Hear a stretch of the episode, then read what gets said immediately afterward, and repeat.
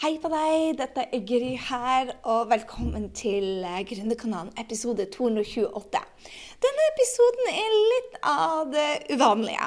En fordi at eh, det er Gry Sinding som er gjest på Gründerkanalen, og hun intervjues av kunden min, som du kanskje har hørt flere ganger eh, på Gründerkanalen, som heter Tina Holt. Tina var en av mentorene mine på en av bøkene mine.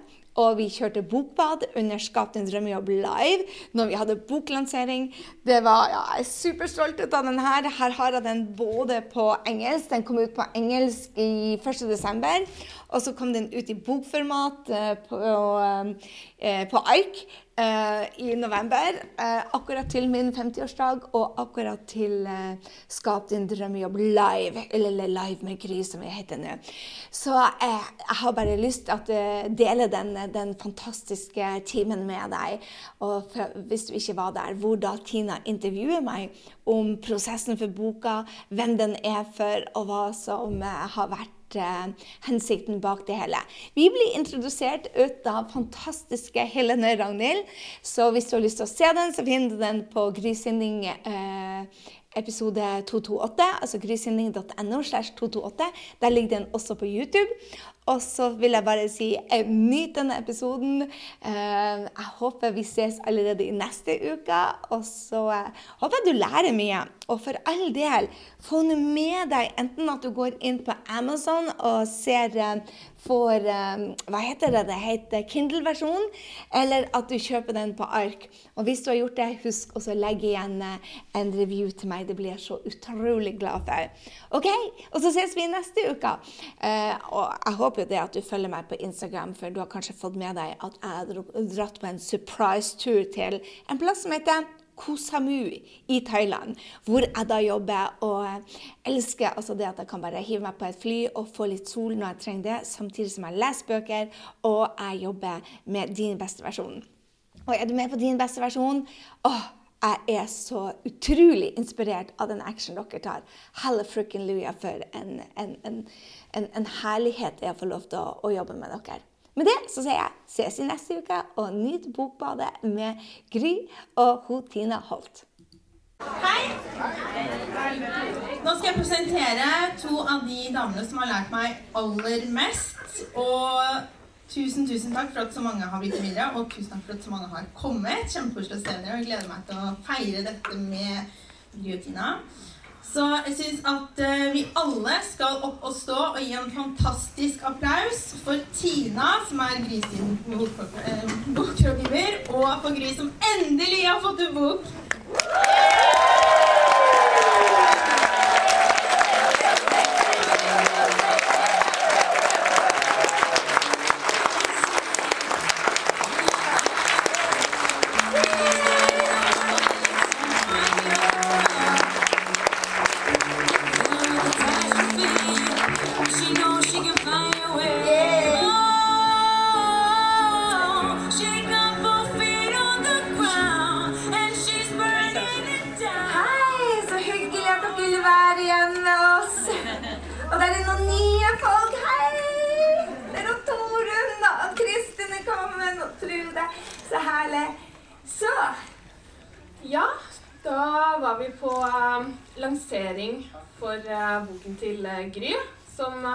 Vært eh, svangerskap på syv år. 2013. Mai 2013. Mm. Og nå er boka her. Og det å bli forfatter, det er Som forfatterrådgiver så vet jeg at absolutt alle jeg har jobbet med som har blitt forfatter, de sier at det er noe av det største som de har opplevd. Og det innleder det første spørsmålet til deg, Gry. Ja. Nå har du blitt forfatter. Gratulerer med det. Takk.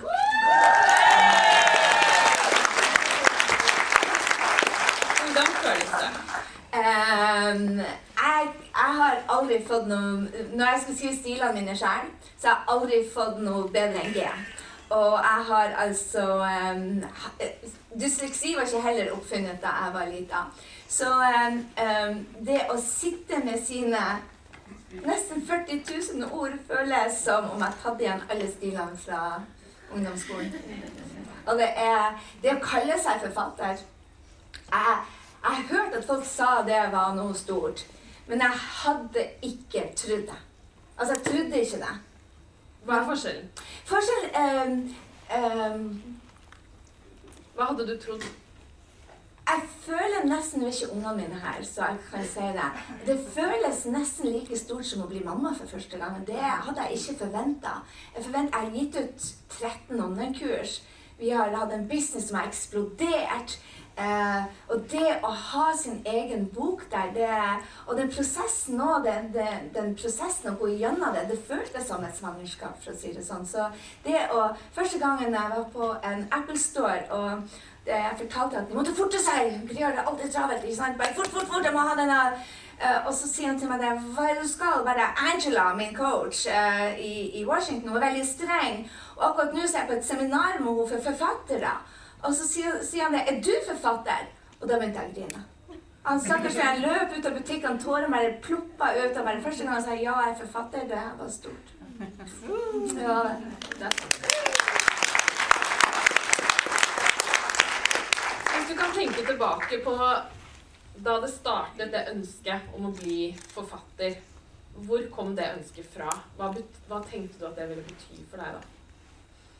Så jeg visste vel ikke bare, noen annet har det bare, Du visste at du bare har mer å by på. Du, bare, du vet ikke helt hva det er for noe. Du bare vet at det må ut. Og det var bare, så den, den, følelsen, den boka ble jo helt annerledes enn jeg trodde den skulle være. Altså, jeg skrev syv bøker før jeg kom til den her. Så, så det har vært en lang prosess. Men, men, jeg bare visste det at jeg måtte liksom ha et fotavtrykk som var mitt, som jeg tenkte bare Og, og dette er bare den første. Det føler jeg òg.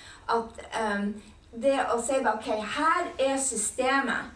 Um, så at jeg vet ikke helt hvordan jeg uttrykker meg dårlig, for det er, det er bare så jævla stort, hvis du skjønner. Og det å, å, å vite det at nå når jeg Om jeg skulle dø i morgen, så det er det systemet.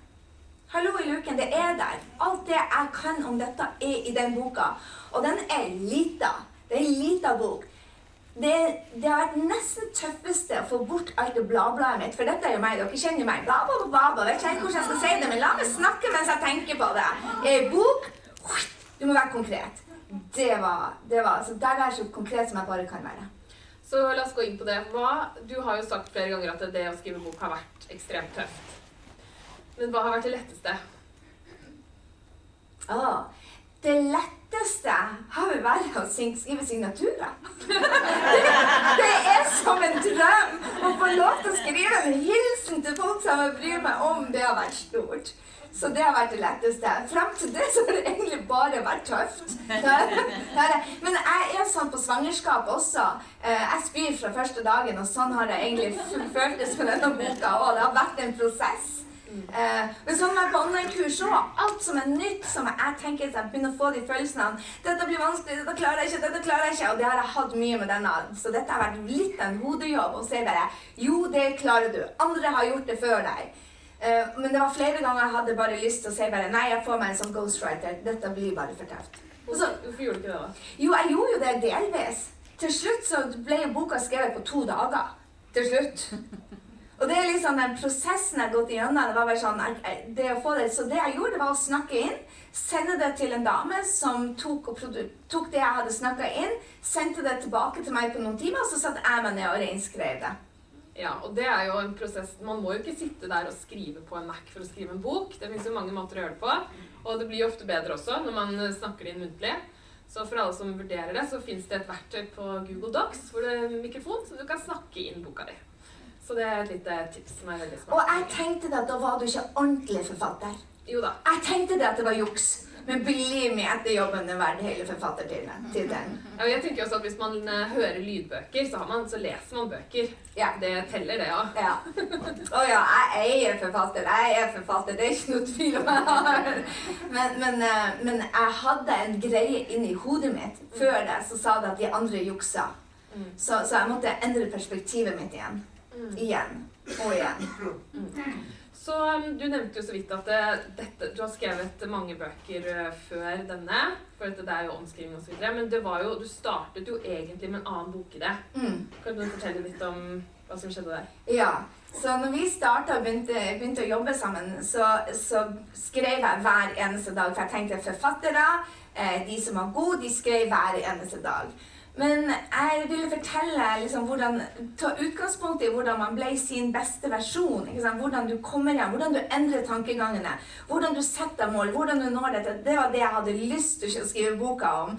Og hvordan jeg hadde kommet meg fra misbruk til å flytte ut til USA. Hvordan jeg klarte det første året, hvor jeg ble banka ut av en mann der og innen det første forholdet. Hvor mye motstand jeg gått gjennom, og at den motstanden hadde tatt meg til der jeg er i dag. Så det var historia jeg starta på.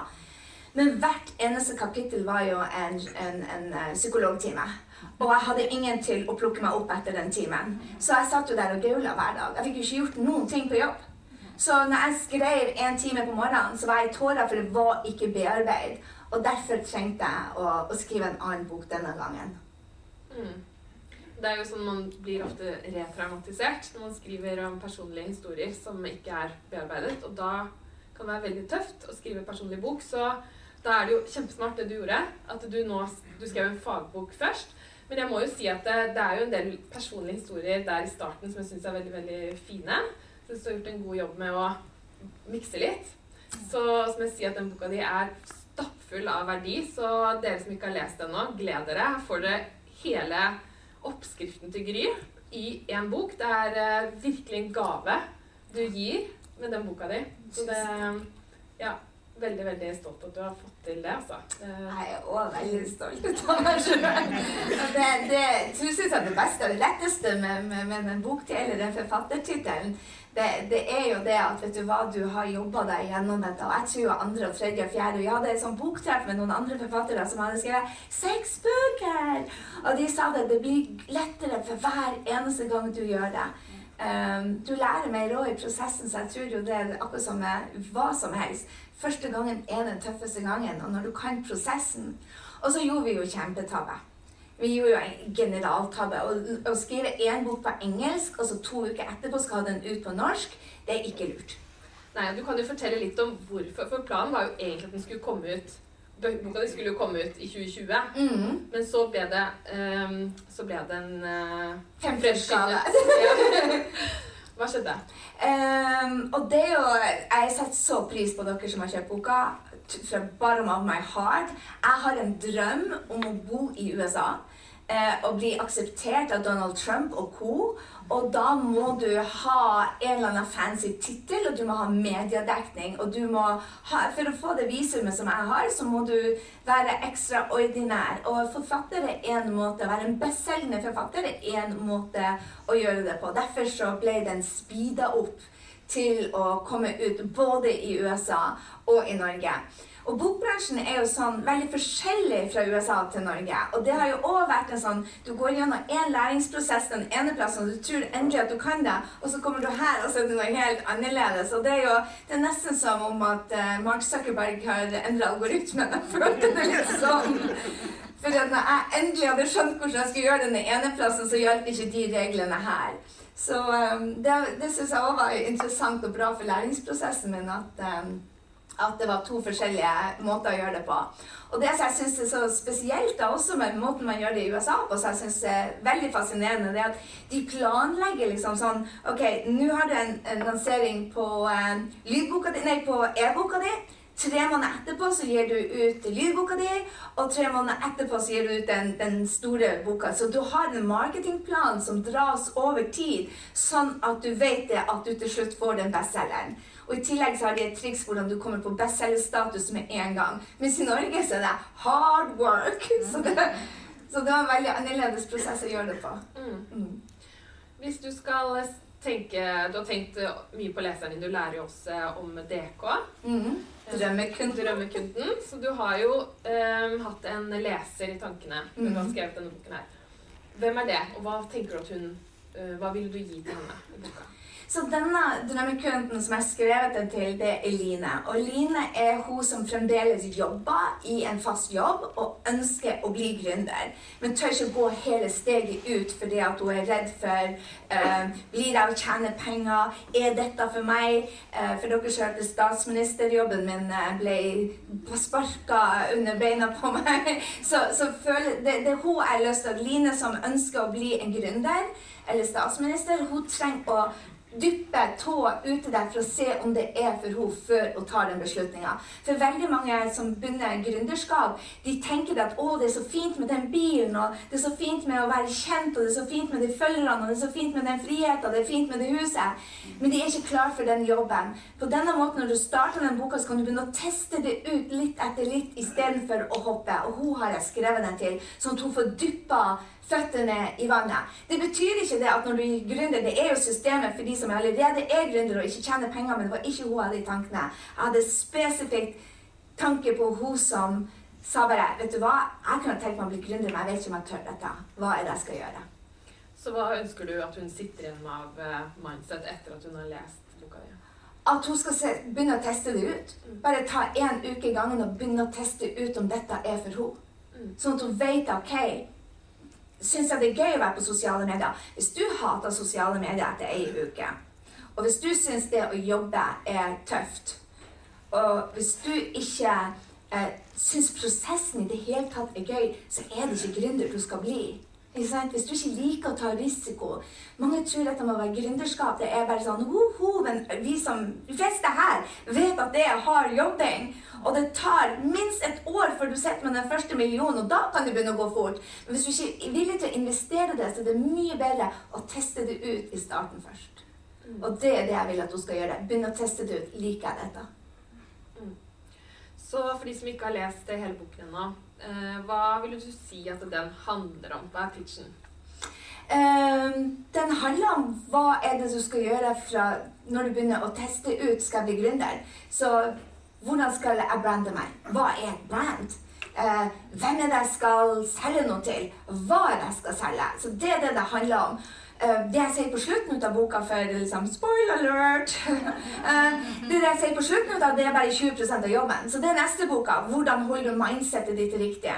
Ikke sant? For jeg gir dem systemet. Sell them what they want, give them what they need. Jeg gir dem systemet som de kan følge.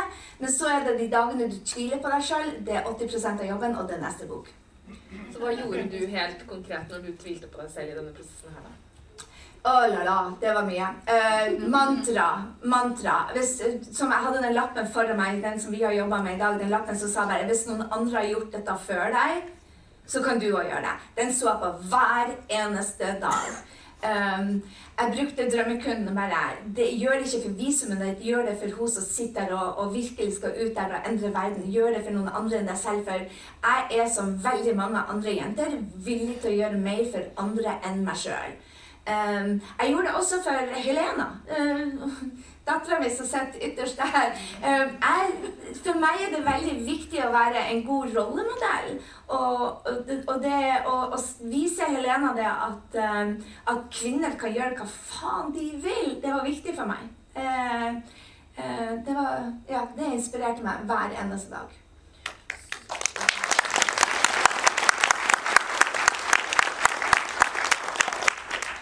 Hva tro, Det er mange som begynner å skrive bok, og så fullfører de ikke. De har jo ikke akkurat sånn som deg et visum de må ha. Men eh, det er jo andre ting man ønsker å oppnå. Så hva tror du er grunnen til at du eh, hva er, det, hva er det med deg som gjør at du har klart det? Jeg investerte mye penger. Og altså, jeg tror på at når du investerer i en coach, og du betaler så mye at det svir, da må du nesten gjøre det. Altså, hvis det er gratis, så er det ikke så nøye. Du har ikke så mye å tape. Men jeg har investert i deg, og jeg har investert i Angela, så sa jeg bare jeg har ikke så mye penger til å hive ut av vinduet. Jeg vil ha resultat ut av det. Og det er liksom sånn, For meg er det bare viktig. Det er bare viktig å vite det at ok, Gry, når du skal først gjøre den jobben, så må du, du investere i deg sjøl. Da må du ha return on investment. Og det er bare en sånn greie jeg har fra Trude eller ei, jeg er revisor. Eh, og, og, for oss som er i regnskapsbakgrunn, uansett så likte jeg likte det, så har jeg lært at hvis du investerer, så må du få pengene dine igjen. Det betyr du må gjøre jobben. Og det er bare jeg, jeg, noe av det mentale jeg gikk bare OK, du har sagt du skal gjøre det, du kan ikke skuffe deg sjøl. Du kan ikke skuffe deg sjøl. For da mister du selvfølelsen, da mister du integriteten din. Og hvis ikke du tror på deg sjøl, så vil ingen andre gjøre det. Derfor gikk jeg jo også ut og sa det. Hei, boka kommer! Boka kommer! Jeg fikk hjelp til å Før jeg hadde skrevet et ord, så var jeg begynt på bokomslaget. Det var mye gøyere enn å skrive. Så, så datoen var satt, og det som vi oppdaget på slutten, Tina, husker du, vi hadde satt et partyet. Det skulle være boklanseringsfest. Vi gjorde den umulige oppgaven fra de fikk manuset til den var trykka ferdig sitt to uker. Det hadde de aldri gjort før. Det hadde jeg aldri gjort. De bare, Åssen er det mulig? Du leverte manuset sånn i posten etter to uker. Ikke etter to uker, etter ti dager, faktisk. Hadde folk den første i posten. Og det er sånn der, Hvis du vil det nok, og hvis du ringer dem nok, og hvis du pusher nok, hvis du bare vet at det er viktig for deg, så vil også folk ta eierskapet hvor viktig det er. Mm. tenker jeg. Ja, det tror jeg det. Så um, hva er din anbefaling hvis noen tenker at de har lyst til å starte ikke nødvendigvis en bok, men et prosjekt? Hva, hva, vil du si er liksom de viktigste ingrediensene å det, for å få det fullført? For jeg føler at det er, det er noe der som du får til. Eh, så mange man, man, har liksom 100 ideer, og man skal ha bok og podkast og kurs og alt på en gang. Hva er liksom det hemmelige trikset du har for å få fullført det du begynner på? Har, eh, det, det, som gjorde at jeg var på Nav i to år, var at jeg hadde ti prosjekt samtidig. Nå har jeg ett prosjekt i gangen og jeg fullfører det. Så nå eh, I oktober så tjente vi ingen penger. Vi skrev bok. Men det var en av de tingene vi var villige til. Å si bare ok, i oktober så det ingen penger inn. Det eneste du gjør, er å fullføre den boka. Det er det jobben din. Så da hadde jeg ikke fokus på å lansere noe eller gjøre andre ting. Jeg hadde fokus på å gjøre den ene tingen ferdig.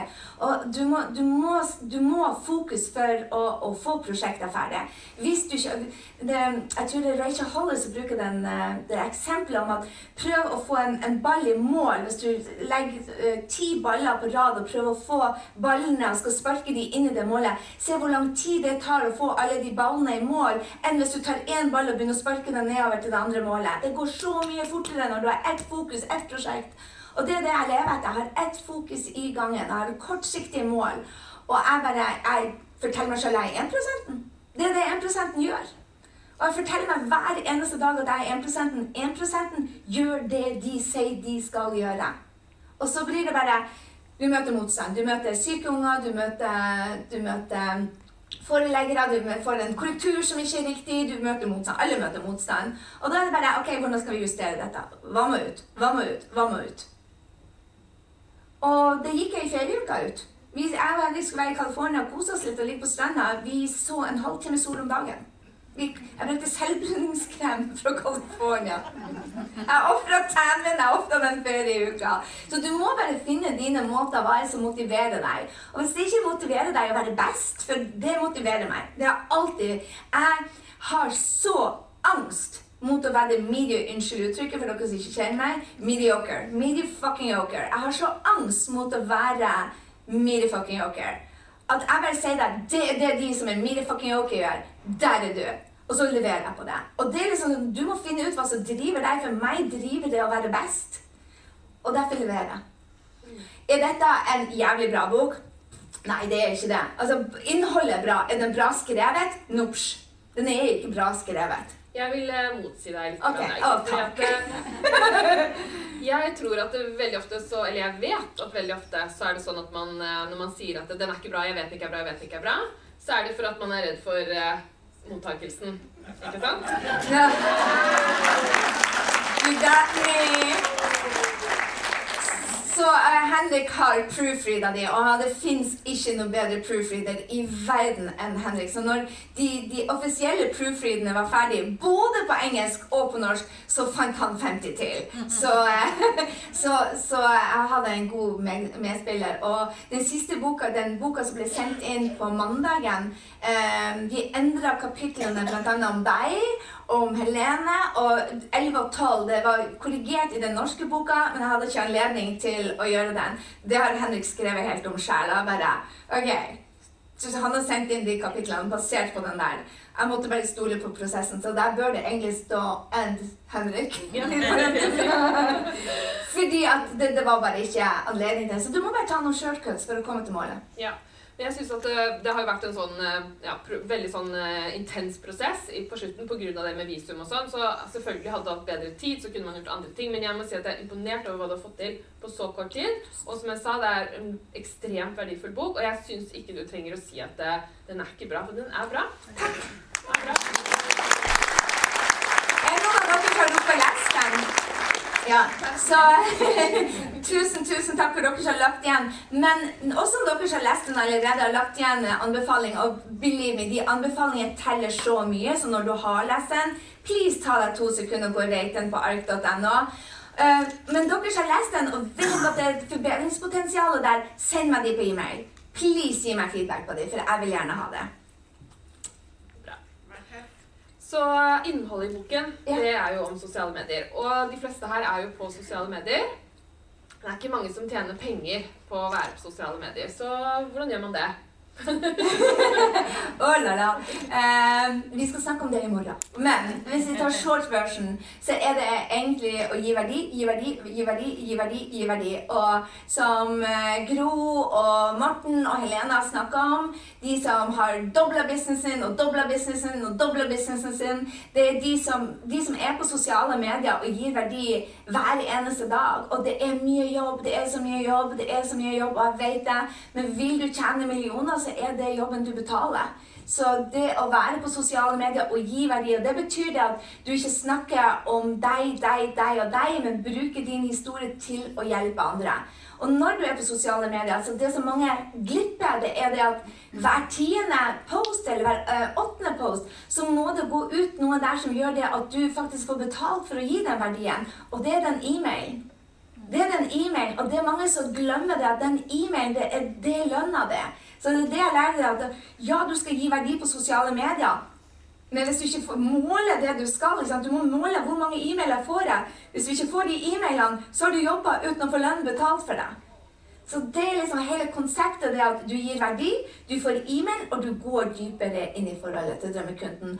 Og når hun vil ha det resultatet, når hun, vil, um, når hun er klar til å begynne å jobbe med den utfordringa du har snakka om, da er hun også villig til å betale for det. Og da velger hun deg, fordi at du kjenner henne. Hun føler du kjenner henne.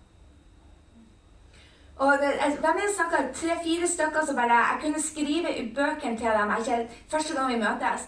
Men jeg har snakka så mye med dere på sosiale medier at jeg vet nøyaktig Ja, Kristian, vi har snakka så mye på sosiale medier så jeg vet nøyaktig hva jeg skulle fortelle ham. Fordi vi er sånn. Og vi er det at Den første gang vi møtes, er bare et unikum. Og det er det som Du trenger ikke mange følgere. Du trenger faktisk ikke mange følgere, men du nødt å ha de følgerne som er villige til å investere seg sjøl og bli bedre med å få hjelp ut av deg. Så jeg har ikke mange følgere i det hele tatt. Vi har under 10 000 følgere på Instagram f.eks. Uh, det, det er ikke mange følgere i det hele tatt. Men vi tjener over 10 millioner kroner. Og det er det jeg vil liksom inspirere til. at I USA så sier de liksom det at du får, når du har 10 000 følgere, så tjener du 10 000 dollar. That's bullshit. Det betyr at du er en dårlig influenser. Så det jeg har lyst til å vise dem, er at du trenger ikke ha mange følgere for å ha økonomisk frihet. Jeg tjente mine første 125 000 med 97 stykker eh, på, på e-mail-lista mi. Men du er nødt til å være den som gir mest. Og du er nødt til å være det som vi snakka tidligere om i dag, for dere som var her, det at du er nødt til å være villig til å gi en del gratis i starten. Så jeg ga jo ti timer én til én med meg for eh, 15 000 kroner pluss kurset for å videreutvikle kurset. Ikke sant? For å gjøre kurset bra. Fra, og jeg sa til kundene dette her har jeg ikke gjort på nett. Jeg har gjort det lenge uten nett, men jeg har ikke gjort det på nett. Så her har du ti timer ekstra, og jeg lover deg at jeg skal gi det du kan. Mange tenker da bare å, jeg skal gjøre som Gry. bare Ingen én-til-én-timer, online-kurs, 15 000 kroner. Og av og til så det, det, er sånn, det, er ikke det, det er ikke der du starter. Gi mer verdi i starten, sånn at du kan vise til resultatene. Når du viser til resultatene, så kan du øke prisene dine. Det var som Gry eh, Hege sa når hun var her oppe. Hun sa det at i starten holdt gratisseminarer. Nå tar jeg 15 000, og jeg hadde, hvor mange hadde du hatt foredrag i år? 15 foredrag. Hun starta med å gi det gratis. Så bygde hun brandet sitt. Det blir en millionbedrift i 2020 fordi at hun har investert nå Ikke sant? Og det er det jeg tror mange glemmer, at du er nødt til å investere først. Hvor mye tid eh, vil du si at man trenger å bruke på sosiale medier for å eh, tjene penger på det? Et kvarter om dagen. Hver dag. Hver dag. Mm. Mm. Og vi snakket jo litt om det i sted, men eh, det er jo en del som sier at eh, man ikke syns det er eh, gøy, eller det er vanskelig, det er utfordrende å være på sosiale medier. Um, er, og da har jo du sagt mye sånn at man må gjøre det gøy, og det har hjulpet meg mye. Jeg syns det er utfordrende å være personlig og sånn. Så hva, hva tenker du at du vil si om det å gjøre ting gøy? Det syns jeg du har så mye fine tanker om. Tusen takk. Um, det å lage en opt-in, det er der du legger navn og e-mail, det er det mange gründere har utfordringer med. Og det er alt annet enn gøy. Så, og jeg syns ikke det er den gøyeste parten av jobben heller. Uh, heller de livesendingene. ikke sant? Det å gå foran kamera, det å snakke til folk som ikke er der enda. For du starta når de livesendingene starta du med at det ikke er noen på andre sida. De spiser middag, eller de er gått og laksa, de aner ikke hvem du er. Så, så det kan være utfordring i starten. Hvordan jeg gjør det gøy, er å ta det rett opp til uh, målet mitt. Så i starten her så starta så sa jeg bare ok, når du får en millionbedrift, så skal du Jeg starta faktisk den første med en vase. Den, den, den vasen som jeg har, en sånn fin glassvase med noen øyestikkere som har vært hjemme hos meg, så vet du at det er noe av det mest dyrebare jeg eier. For det var den første tingen som jeg kjøpte etter jeg hadde fått en bonus. Og da tenkte jeg bare Jeg har holdt ut i det prosjektet på jobben, og jeg leverte så på i hvem da, på den jobben. Og etterpå så tok jeg brukte de bonuspengene og kjøpte den glassvasen. Og etter det så økte jeg det. Så første året som, eh, som gründer, når jeg nådde målene mine, så kjøpte jeg meg et maleri av sjelen min. Så jeg fikk malt. Så jeg har hele tida en premie til meg selv. Så i starten da jeg gikk fra 0 til 100 000, så kjøpte jeg nesten alltid premie til meg sjøl. Facebook-annonse og premie. Eh, når det ble en million, så kjøpte jeg eh, sko og en tur til Syden, Maldivene eller noe sånt. Så jeg hele tida premier. Så jeg, jeg tar og knytter alt det jeg ikke liker å gjøre, til Du har én ting. Det er hjelpe drømmekunden, nå resultatene sine. Og som Helene sa i dag, at jeg ser potensialet i de jeg jobber med. Og jeg vet at det er et marked. Så jeg ser for meg to drømmekunder, Line og Maria. Jeg ser for meg dem hver eneste dag. Hvor redd de er. Og så ser jeg for meg min premie. De to tingene får meg til å synes opt-in er gøy. Det får meg til å synes video er gøy. Det får meg til å synes livet mitt er gøy, for jeg vet jeg knytter det direkte opp. Og det er det jeg bruker målerutinen til. Jeg starter ikke dagen med å si 'Å, jeg må lage en opt-in'. Jeg starter dagen med å se på topp ti-målene mine. Og i det ene topp ti-målene er at jeg flyr ikke Ryanair lenger. Jeg har en private jet. Det er nettopp timeårene mine. Sannsynligvis må jeg tjene 10-15 millioner dollar fra jeg kommer dit, men det inspirerer meg hver dag. Jeg sitter, jeg sitter ofte på en flyplass. Og jeg sitter ofte på midtensetet fordi jeg ikke har planlagt godt. Ikke så ofte nå. Men, men, det er det som inspirerer meg. å bare en dag er det den som inspirerer meg, den flyturen. Eh, andre dager er det det å bli forfatter. Nå kan jeg krysse det av lista og putte inn et nytt mål. Jeg ser på målene mine, og så inspirerer det meg dette er premien når du er, har gjort jobben som ikke er så gøy. Så du var inne på det, men um, du uh, er jo opptatt av det med mål og inntjening osv. Og, og hvorfor da har du skrevet bok? Fordi mange tenker jo at det, det å skrive bok, det tjener man ikke penger på. Uh, og det gjør man jo for så vidt ikke. Det er jo en del andre ting man må gjøre for å gjøre det. Men hva er da motivasjon, hva har motivasjonen din vært for å skrive den boken, til tross for at man tenker at man ikke kan tjene penger på det? Så boka blir som et gigantisk visittkort. Det er det den funker som. Men når du får forfattertittelen, så får du en helt annen eh, tillit i markedet.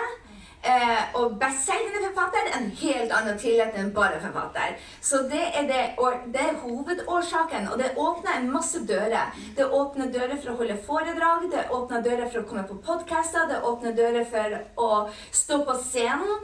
Så i USA er det ekstremt viktig, men også i Norge så er jo det veldig viktig. Har du en bok, f.eks Kristine eh, Otterstad, som eh, skrev boka 'Historien om Maria', det berørte livet mitt så til de grader. ikke sant? Så jeg har jo stalka henne siden og lurer på når jeg kan få kjøpe noe av henne. Så, så, det gjør det at du blir sulten på å kjøpe et produkt også etterpå. at jeg er ikke fornøyd med å bare lese boka av Kristine.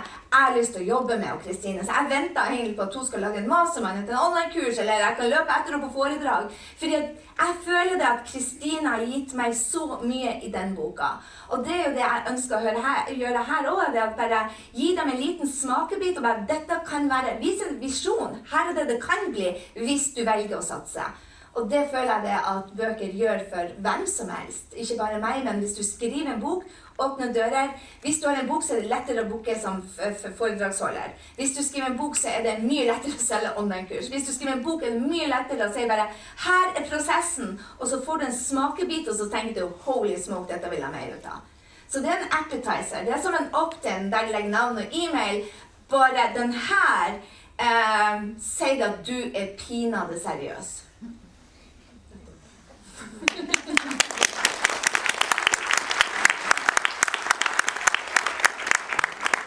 Hva har vært den største overraskelsen i hele prosessen? Om det er liksom, hva du har følt når du har blitt forfatter, eller et eller annet under skrivingen, eller responsen, eller hva, hva tenker du sånn Å, det var jeg ikke forberedt på, eller det var gøy.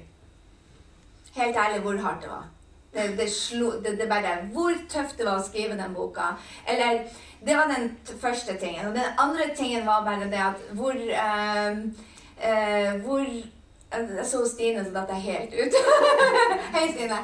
Um, det første var det hvor tøft det var, og det andre var hvor, hvor berørt jeg ble ut å sitte med én tittel. Men um, jeg har boka i stua, jeg har den på nattbordet, jeg har den i veska.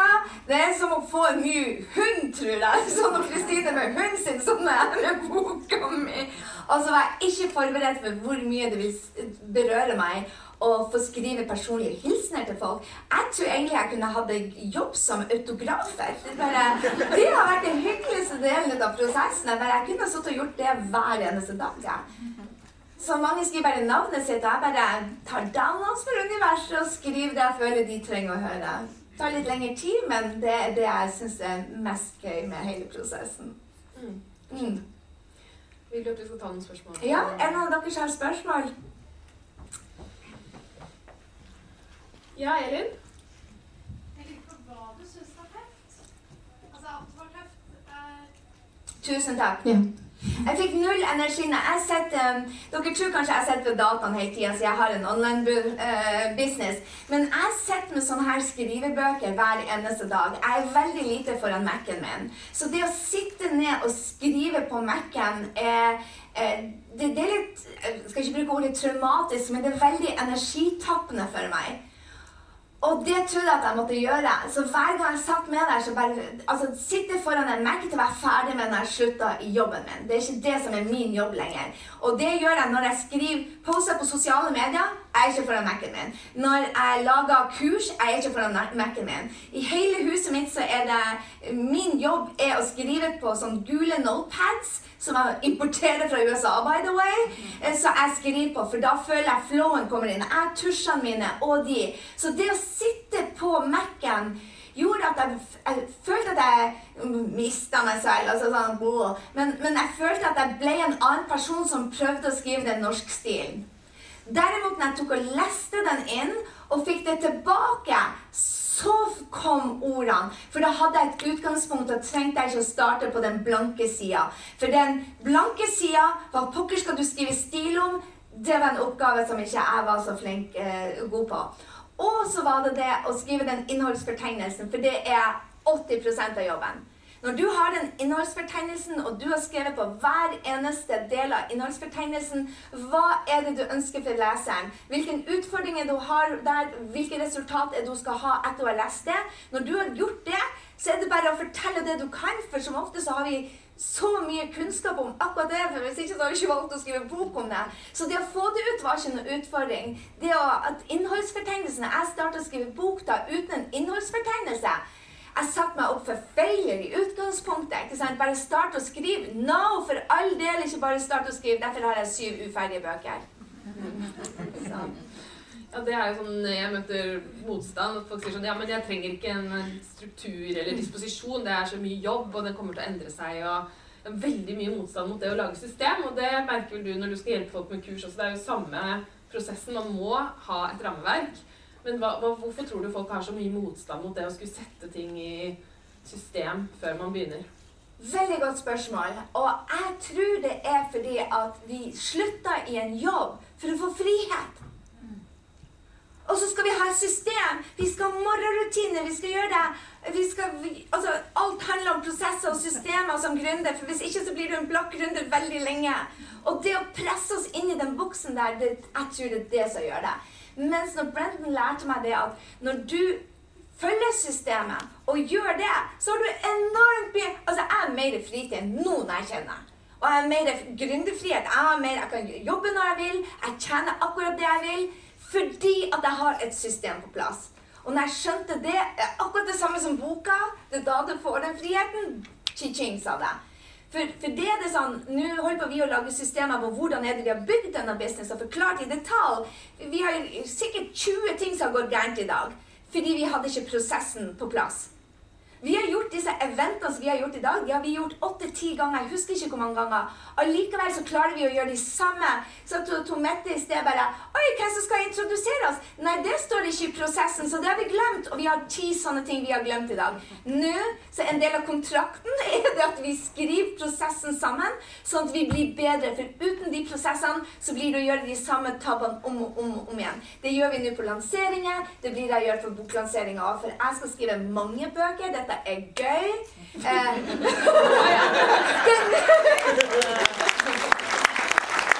jeg tror det er som den første ungen. Men du vet ikke hva du går til. Det er bare så mye at du tenker bare Og jeg gjorde to bøker på hallo, en, en måned. To bøker. Det var å ta seg litt mye for, for mye. Det var bare det. Så man plutselig vite at du skal ha tvillinger en måned før. Yes, yes, exactly! You got me! Bare, å, det var ikke én der, det var to! Bare, og bare, jeg må bytte vogna og hele greia. Ja. Ja. Er det flere som har spørsmål? Nei? Nei? Jeg tenker, uh, Hva skal til i forhold til erfaringsgrunnlag og hva man har gjort for at man har ja, grunnlaget på plass til å kunne skrive en bok? Eller er det slik at uh, noen mennesker kan drive og skrive en bok uh, altså, ja, helt uh, ut ifra grunnleggende idé? Eller hvordan, hva er kriteriene? At man er på en måte kvalifisert til å være forfatter og bokskriver? Det er, eh, jeg har jobbet eh, i forlag, så jeg har jobbet med mange mange forfattere. Og det du sier der, det er nesten alle spør om det. Eh, Og jeg tror det var Helene som sa at hun nesten følte hun måtte ha godkjennelse fra et eller annet sånn råd om at ja, du får lov til å bli forfatter. Eh, men det må man ikke. Men erfaring teller mer enn fag. Eh, for det er av hverandre vi lærer mest. Og det er gjennom historier og eksempler at man, at man lærer noe. Og det er jo det samme med kurs. Så lenge du ligger litt foran de du ønsker å hjelpe med, med boken din, så har du all rett til å skrive en bok. Så du må bare sørge for at du gjør research på det feltet du skal skrive om, hvis det er nødvendig. Hvis ikke det er en ren selvbiografi. Eh, Og når du har gjort den researchen, så har du lov til å skrive en bok og eh, bli intervjuet og holde foredrag om det emnet du skriver om. For du, du blir på en måte eksperten i det du jobber med den boken. Mm. Var det svar på? Ja. ja. Takk. Så denne her eh, eh, boka er jo eh, Big Business med sosiale medier er jo veldig mye med hele prosessen som jeg har på Gründerud, og som jeg har på Mastermind, og som jeg har gjort på, på Skapt din drømmejobb. Det er akkurat samme prosess. Jeg måtte bare ha forkorta meg inn.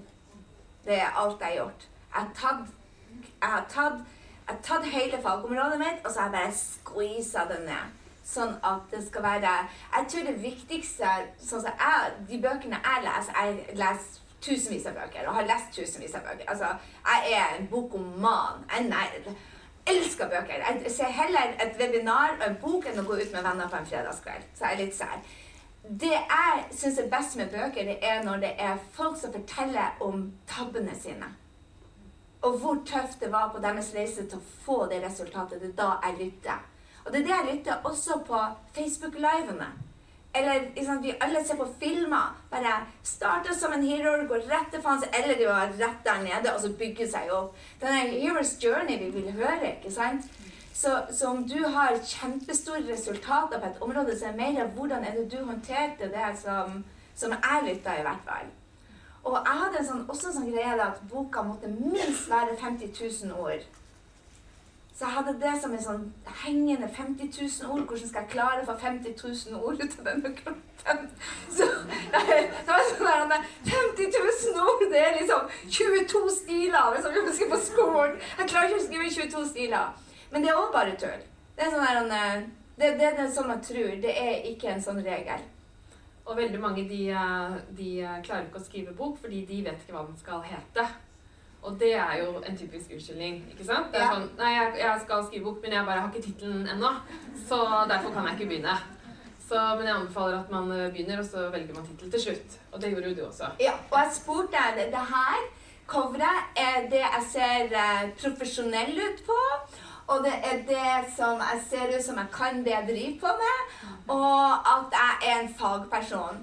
Jeg ville ha det gapebildet med masse gult hvor jeg ser crazy ut. Men 95 ut av de som stemte, sa at dette var det som ville få solgt boka. Så jeg må bare lage en annen bok, bare How to have fun in life, og så få den gule boka. fordi, fordi at når markedet sier at de ikke vil ha det, det samme var med tittelen. Eh, Jeg jeg tror jeg skrev ned 20 titler. Og denne var det. Og vi snudde om på ordene, og, og den var ferdig. Altså, vi ante ikke hva den. Big Business, nei, eh, Den heter egentlig 'Skap en drømmejobb' i starten, men jeg visste at den kunne ikke hete det samme som kurset mitt. Så, eh, så den, den var igjen så var det brainstorming Tina, spurte Helene, spurte, spurte Henrik. Jeg spurte folk bare OK, dette er det jeg skal for drømmekunden. Hva ville du ha kalt den? Så, så det er egentlig bare en, en brainstormingsprosess.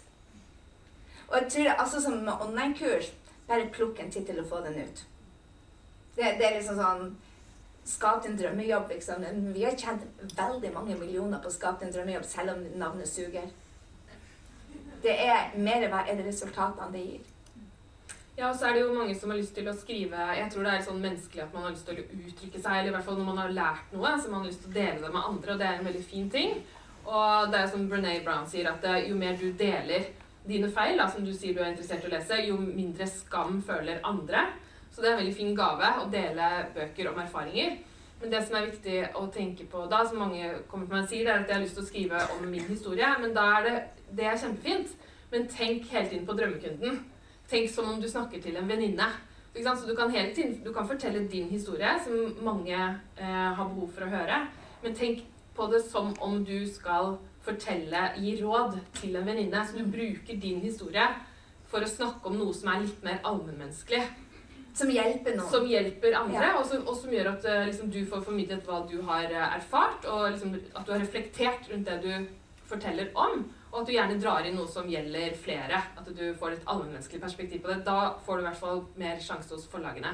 Så alle kan skrive en bok om sin historie, men bare dra det ut til samfunnet, og bruk din historie som, med, som eksempler.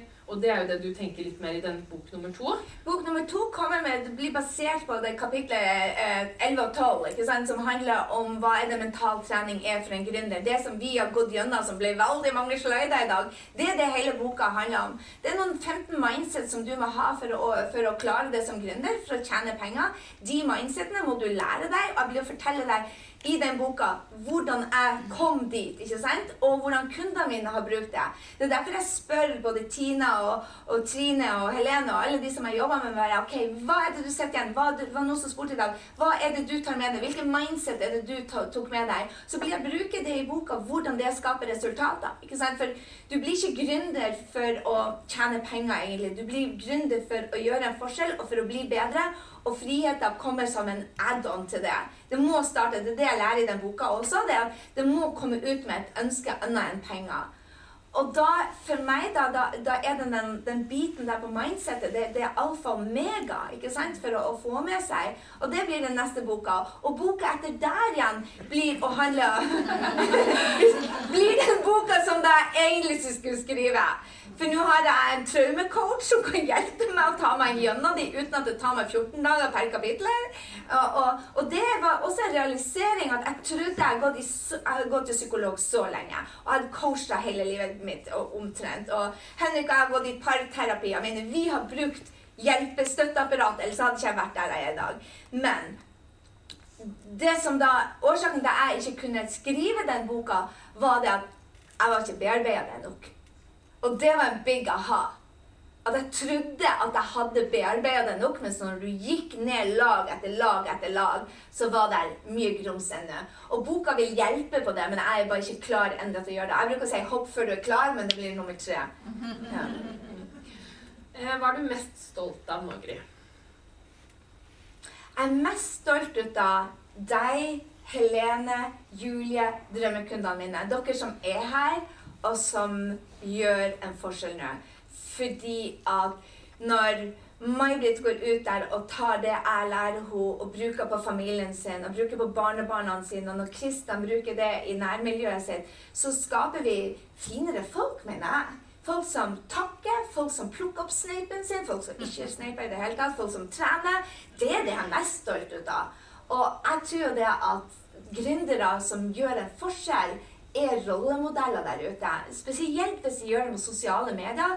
Tenk deg de 200 menneskene som var i salen her. Hvis de går ut og lærer bort det de har lært her i dag, om å ta action før de er klar, om å gjøre en forskjell Bare de, de 200 menneskene kan nå 10 000 mennesker hver.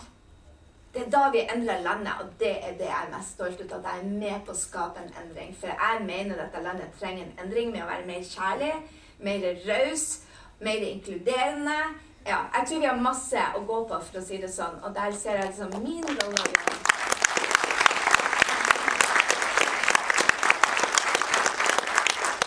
Jeg vil bare si at du har endret livet mitt, i hvert fall. Eh, jeg setter veldig veldig pris på den jobben du gjør, og det betyr mye for eh, mange. Så jeg er veldig takknemlig for deg og glad for deg. Og dette er, Hun har ikke bedt meg si dette, men hvis noen vurderer mastermind, så vil jeg bare si gjør det. Um, ja, så vil jeg bare si tusen takk for muligheten til å få jobbe med deg på, på denne boka her. Og um, den har blitt veldig bra, og jeg er veldig glad i deg.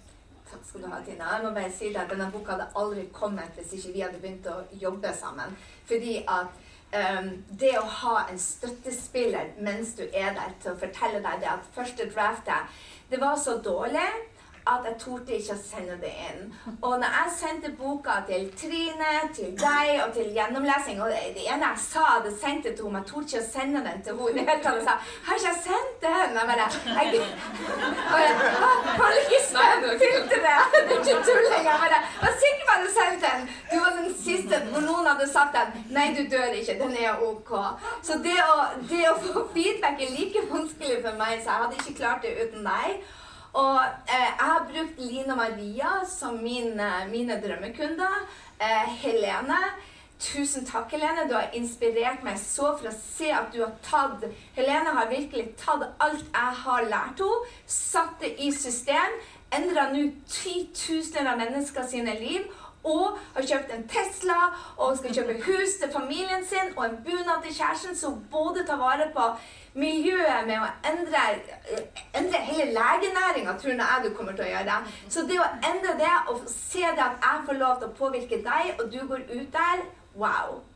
Og Henrik som uh, får navnet sitt på neste visjon, uh, den engelske versjonen, for den har han halvt skrevet det, Tusen takk, baby. Den hadde ikke vært ferdig uten deg. Dine revisjoner.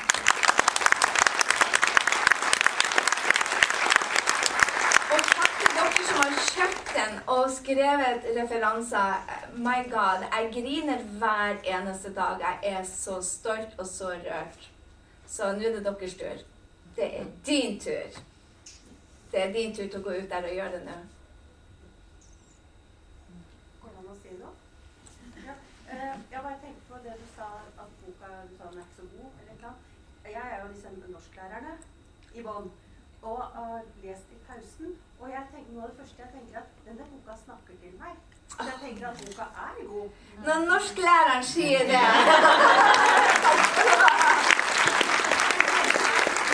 Tusen takk. Jeg vil også si noe. Jeg rakk akkurat å hente boka di på posten før jeg måtte ta fly fra Bardufoss og ned. Og jeg satt og leste og leste og leste i den boka, og jeg, jeg, klar, jeg tenkte herregud, lander vi allerede? Og jeg er så glad for at du kom i papirform òg, fordi at av og til får jeg helt noia i forhold til alt digitalt. Så kunne få lov å nyte deg og det du har på hjertet i papirform. I love it. Thank you so much.